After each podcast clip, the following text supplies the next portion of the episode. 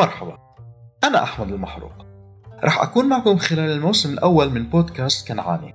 بهالموسم رح نحكي قصص عن فلسطين وقراها المهجرة ونحاول نشوف ولو لمحة بسيطة عن الحياة كيف كانت فيها قبل الاحتلال. فكرة هذا البودكاست إجت لتأكد إنه هاي الأرض عربية ولننفي أي ادعاء بيحكي إنه هاي الأرض كانت بلا شعب.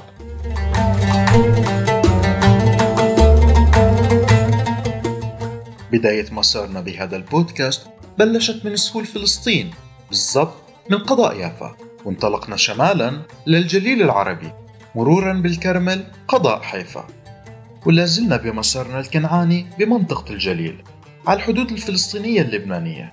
لكن رح ننتقل من قضاء عكا إلى قضاء صفد قريتنا لليوم كانت مبنية على تل مش مرتفع كتير وكان في ميلان خفيف نحو الجنوب الغربي. وكان في وصلة تربطها بالطريق العام المؤدي إلى صفد عن قرية الصفصاف رح نحكي قصتنا لليوم.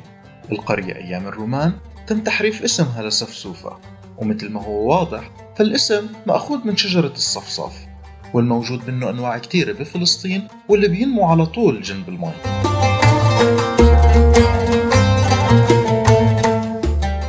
سكان القرية كانوا كلهم من المسلمين. وفي لهم مسجد بنص القرية مع شوية دكاكين ومدرسة ابتدائية أنشئت أيام الانتداب.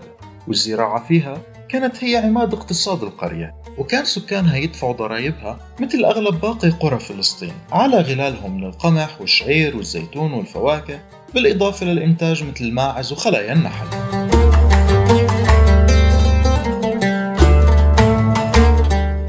كانت الصفصاف أول قرية بيتم احتلالها بإطار عملية حيرام الصهيونية.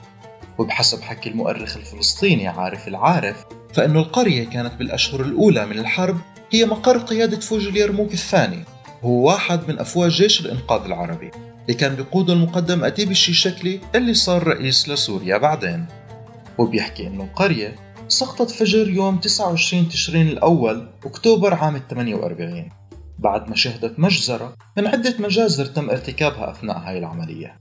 وبيحكي كتاب تاريخ حرب الاستقلال الإسرائيلي بأنه فصيلتي مصفحات وسرية مجنزرات من اللواء شيفع أو السابع هاجمت القرية واحتلتها بعد معركة قصيرة.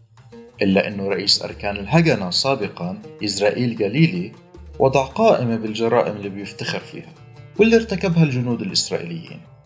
من ضمن هاي الجرائم بيحكي إنه 52 رجل انربطوا بحبل وانطرحوا ببير وتم إطلاق الرصاص عليهم. غير عدة حالات اغتصاب من ضمنهم لبنت عمرها 14 سنة وعمليات قتل تانية لنساء. أما شهود عيان بيحكوا رواية تفاصيل أكثر. بيحكوا إنه لما بدأ الهجوم على القرية كان المجاهدين والثوار متأهبين ليدافعوا عنها لكنهم تفاجأوا بهجوم ثلاثي الجبهات إشي ما كانوا يتوقعوه. وبيحكوا إنه للأسف ما انضم للمعركة أي من الجيوش العربية. مما اضطر بهدول الثوار إنهم ينسحبوا للبنان ويتركوا وراهم القرية بمعظم سكانها.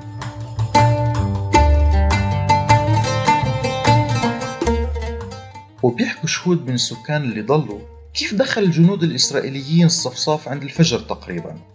وأنهم أمروهم أنهم يصطفوا جميعا بمنطقة بشمال القرية. وحكى أحد السكان للمؤرخ الفلسطيني نافذ نزال أنه الجنود اليهود طلب من أربع بنات أنه يرافقوهم ليجيبوا مي لبقية الناس لكنهم ولي دنائتهم أخذوهم واغتصبوهم. وبيحكي الشاهد كمان إنهم ربطوا عصابات على عيون أكثر من سبعين رجل منهم وقتلوهم رميا بالرصاص. قتلوهم واحد ورا الثاني قدام عيون الباقيين.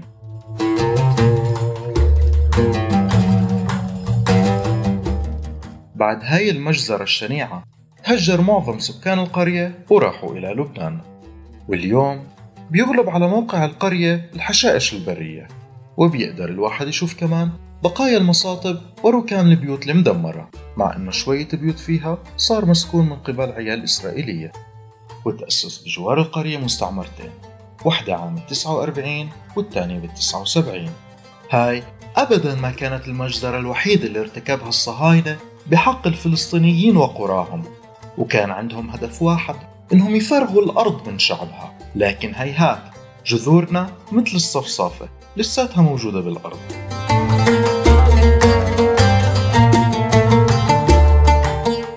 ولأنه حق العودة حق مقدس إحنا أكيد لأرضنا راجعين. كنت معكم أنا أحمد المحروق قدمت لكم بودكاست كنعاني. جزيل الشكر للموسيقي الفلسطيني نزار روحانا.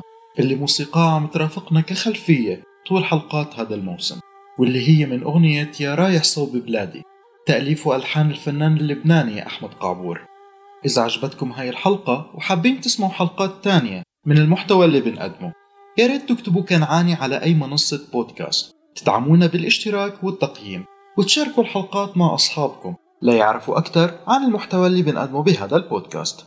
شكرا كتير وإلى اللقاء مع بودكاست كنعاني جديد. يا رايح صوب بلادي دخلك وصي السلام بلغ أهلي وولادي مشتاق لهم رب الحمام وخلي إني أنادي بعدها ممنوع الأحلام وإلا أيام ببالي. والله بتعز الأيام إلا yeah.